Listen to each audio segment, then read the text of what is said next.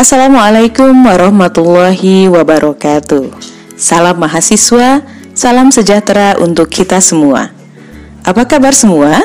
Semoga senantiasa sehat dan bahagia. Senang sekali saya dapat menjumpai Anda semua di kelas evaluasi pembelajaran Bahasa dan Sastra Indonesia. Sekarang kita akan beranjak pada materi sesi kedua mengenai konsep dasar evaluasi pembelajaran. Anda akan mempelajari beberapa istilah kekinian dalam evaluasi pembelajaran yang berkaitan dengan istilah utama, yaitu assessment atau penilaian. Masih ingat kan istilah penilaian itu apa? Ya, penilaian adalah proses mendeskripsikan, mengumpulkan, merekam, menskorkan, dan menginterpretasikan informasi untuk memonitor perkembangan pembelajaran atau membuat keputusan jika diperlukan. Nah, untuk istilah penilaian atau assessment ini ada tiga istilah kekinian yang perlu Anda ketahui, yaitu Assessment of Learning atau AOL, Assessment for Learning atau AFL, dan Assessment as Learning atau AAL. Baik, kita akan mulai dari istilah pertama yaitu AOL, Assessment of Learning atau penilaian dalam pembelajaran. Apa itu AOL?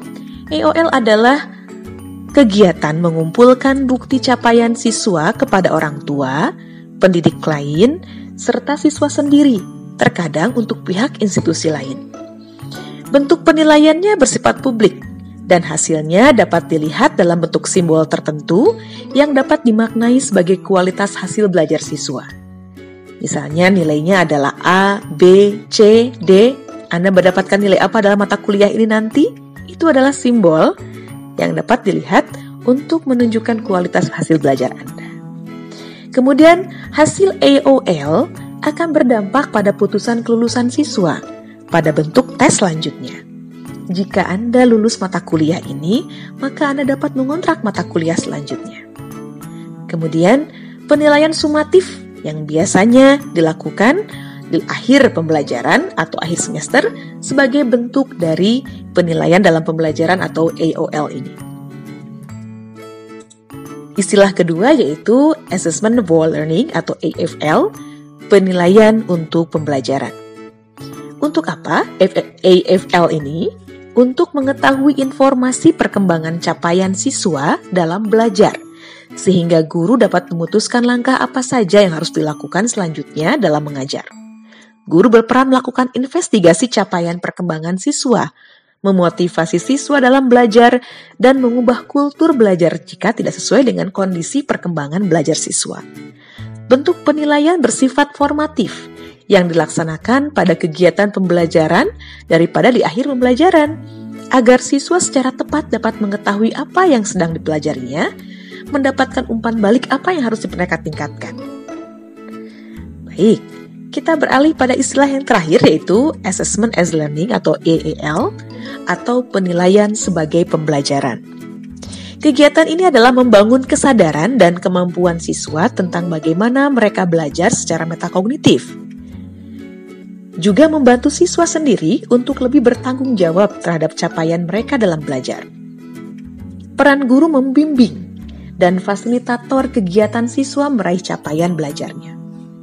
Misalnya, pada contoh penilaian autentik, penilaian diri siswa, penilaian sebaya, portofolio, dan lain-lain. Kesimpulan dari AOL AFL dan AAL. Pertama dari segi tujuan. AOL tujuannya adalah penilaian. Bisa juga penempatan, promosi untuk penilaian selanjutnya. Bisa juga lisensi, lulus atau tidak lulus, baik atau tidak baik, berkualitas atau tidak berkualitas. Kemudian jika IFL, tujuannya adalah informasi untuk keputusan pengajaran guru.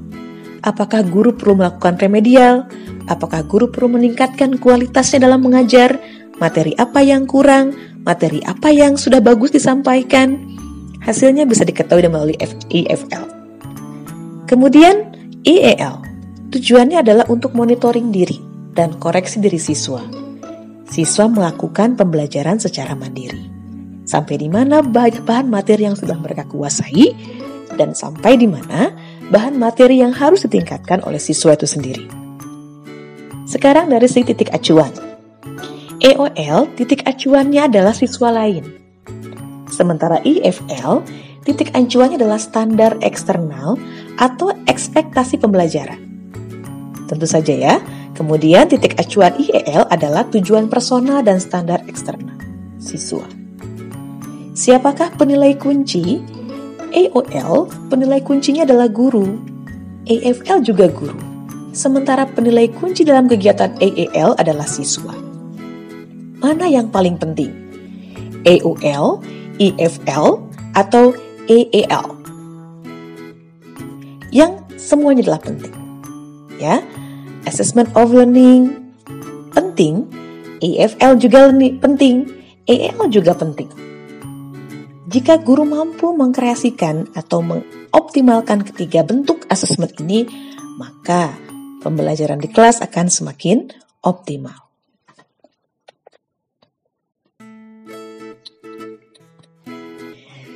Sekarang kita beranjak pada istilah yang lain yang mungkin akan membingungkan Anda karena banyak yang menggunakan istilah ini di beberapa buku, terutama buku-buku yang diterjemahkan dari bahasa asing.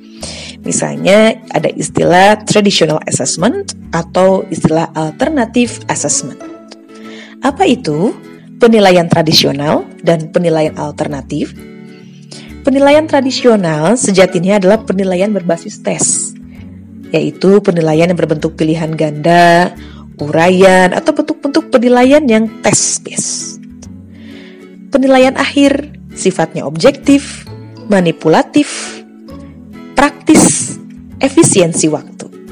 Ya, jadi secara tidak langsung penilaian tradisional itu penilaian berbentuk tes. Ya. Sementara apa itu penilaian alternatif? Penilaian alternatif itu otomatis penilaian yang berbasis non-tes. Apa itu penilaian berbasis non-tes? Penilaian berbasis non-tes ini adalah penilaian proses. Ingat, penilaian tradisional itu penilaian akhir. Tes diberikan setelah akhir pembelajaran, akhir materi. Sementara penilaian proses adalah penilaian yang berlangsung selama proses pembelajaran terjadi.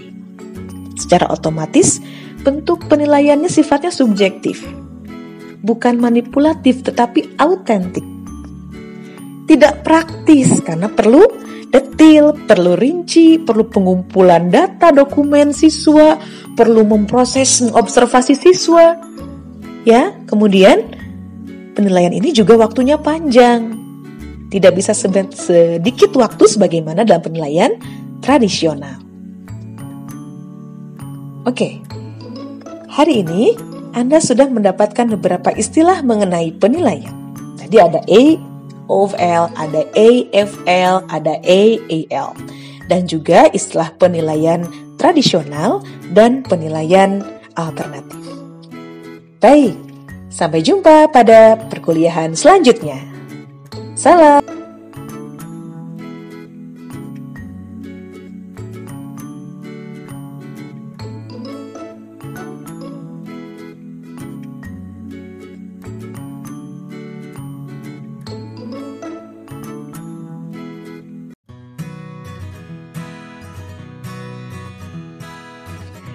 Selamat datang mahasiswa, apa kabar? Salam jumpa di perkuliahan kajian puisi Indonesia.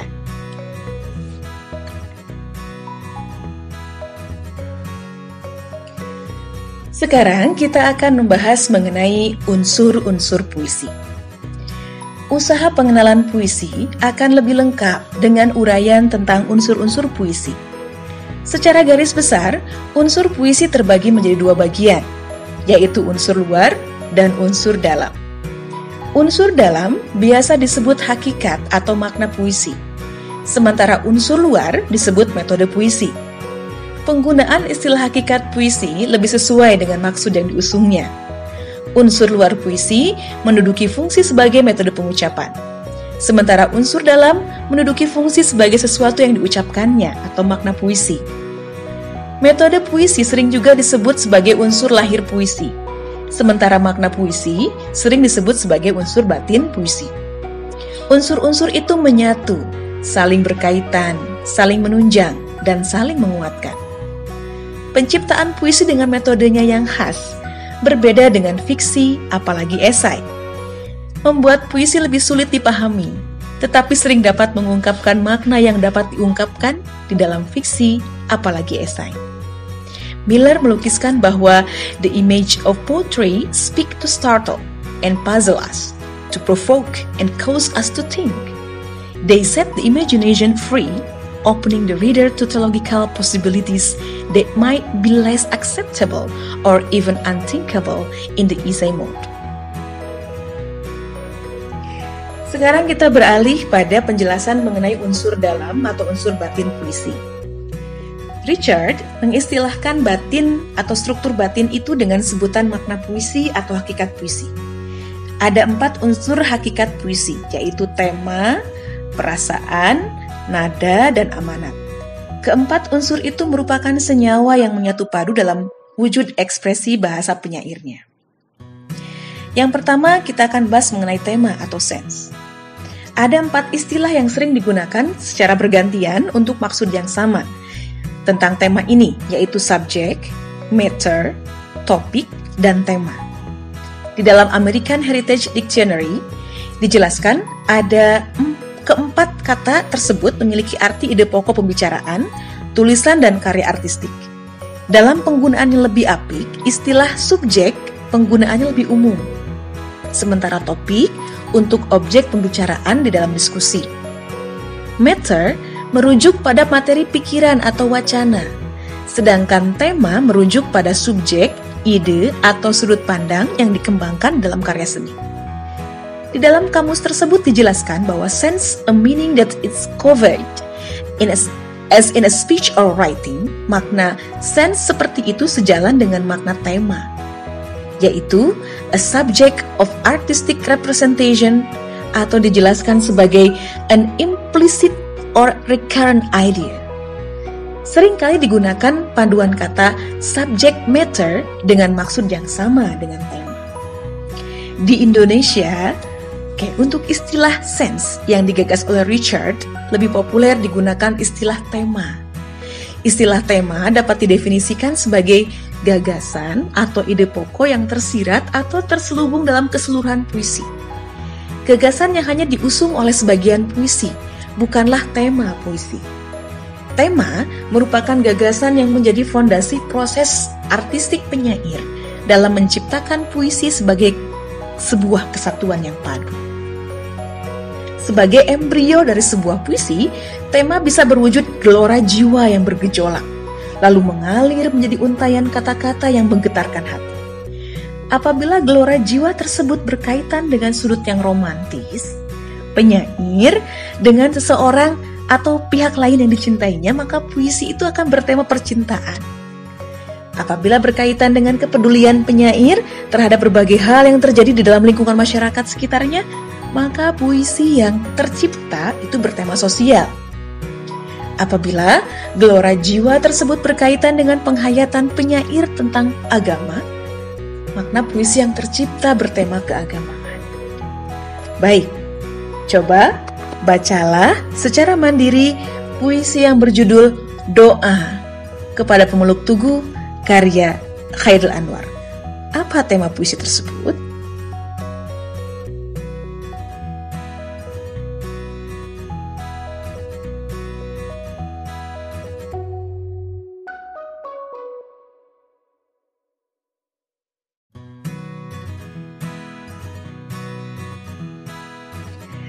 Selamat datang mahasiswa, apa kabar? Salam jumpa di perkuliahan kajian Puisi Indonesia.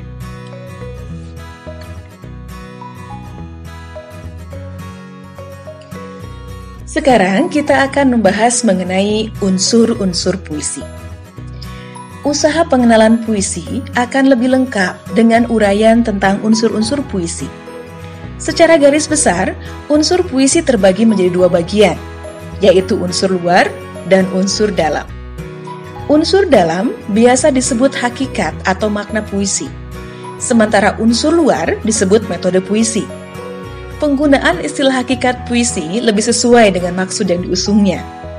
Unsur luar puisi menduduki fungsi sebagai metode pengucapan, sementara unsur dalam menduduki fungsi sebagai sesuatu yang diucapkannya atau makna puisi.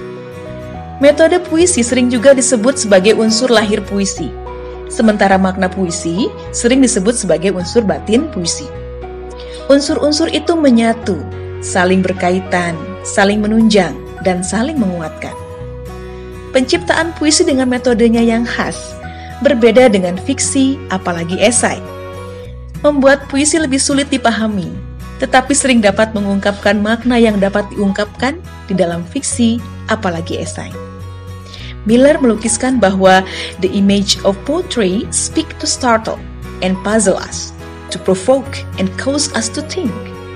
They set the imagination free opening the reader to theological possibilities that might be less acceptable or even unthinkable in the essay mode. Sekarang kita beralih pada penjelasan mengenai unsur dalam atau unsur batin puisi. Richard mengistilahkan batin atau struktur batin itu dengan sebutan makna puisi atau hakikat puisi. Ada empat unsur hakikat puisi, yaitu tema, perasaan, nada, dan amanat. Keempat unsur itu merupakan senyawa yang menyatu padu dalam wujud ekspresi bahasa penyairnya. Yang pertama, kita akan bahas mengenai tema atau sense. Ada empat istilah yang sering digunakan secara bergantian untuk maksud yang sama tentang tema ini, yaitu subject, matter, topik, dan tema. Di dalam American Heritage Dictionary, dijelaskan ada Keempat kata tersebut memiliki arti ide pokok pembicaraan, tulisan, dan karya artistik. Dalam penggunaan yang lebih apik, istilah subjek penggunaannya lebih umum. Sementara topik untuk objek pembicaraan di dalam diskusi. Matter merujuk pada materi pikiran atau wacana, sedangkan tema merujuk pada subjek, ide, atau sudut pandang yang dikembangkan dalam karya seni. Di dalam kamus tersebut dijelaskan bahwa sense a meaning that is covered in a, as in a speech or writing, makna sense seperti itu sejalan dengan makna tema, yaitu a subject of artistic representation atau dijelaskan sebagai an implicit or recurrent idea. Seringkali digunakan panduan kata subject matter dengan maksud yang sama dengan tema. Di Indonesia, Oke, untuk istilah sense yang digagas oleh Richard, lebih populer digunakan istilah tema. Istilah tema dapat didefinisikan sebagai gagasan atau ide pokok yang tersirat atau terselubung dalam keseluruhan puisi. Gagasan yang hanya diusung oleh sebagian puisi, bukanlah tema puisi. Tema merupakan gagasan yang menjadi fondasi proses artistik penyair dalam menciptakan puisi sebagai sebuah kesatuan yang padu. Sebagai embrio dari sebuah puisi, tema bisa berwujud gelora jiwa yang bergejolak, lalu mengalir menjadi untayan kata-kata yang menggetarkan hati. Apabila gelora jiwa tersebut berkaitan dengan sudut yang romantis, penyair dengan seseorang atau pihak lain yang dicintainya, maka puisi itu akan bertema percintaan. Apabila berkaitan dengan kepedulian penyair terhadap berbagai hal yang terjadi di dalam lingkungan masyarakat sekitarnya, maka puisi yang tercipta itu bertema sosial. Apabila gelora jiwa tersebut berkaitan dengan penghayatan penyair tentang agama, makna puisi yang tercipta bertema keagamaan. Baik, coba bacalah secara mandiri puisi yang berjudul Doa kepada pemeluk tugu karya Khairul Anwar. Apa tema puisi tersebut?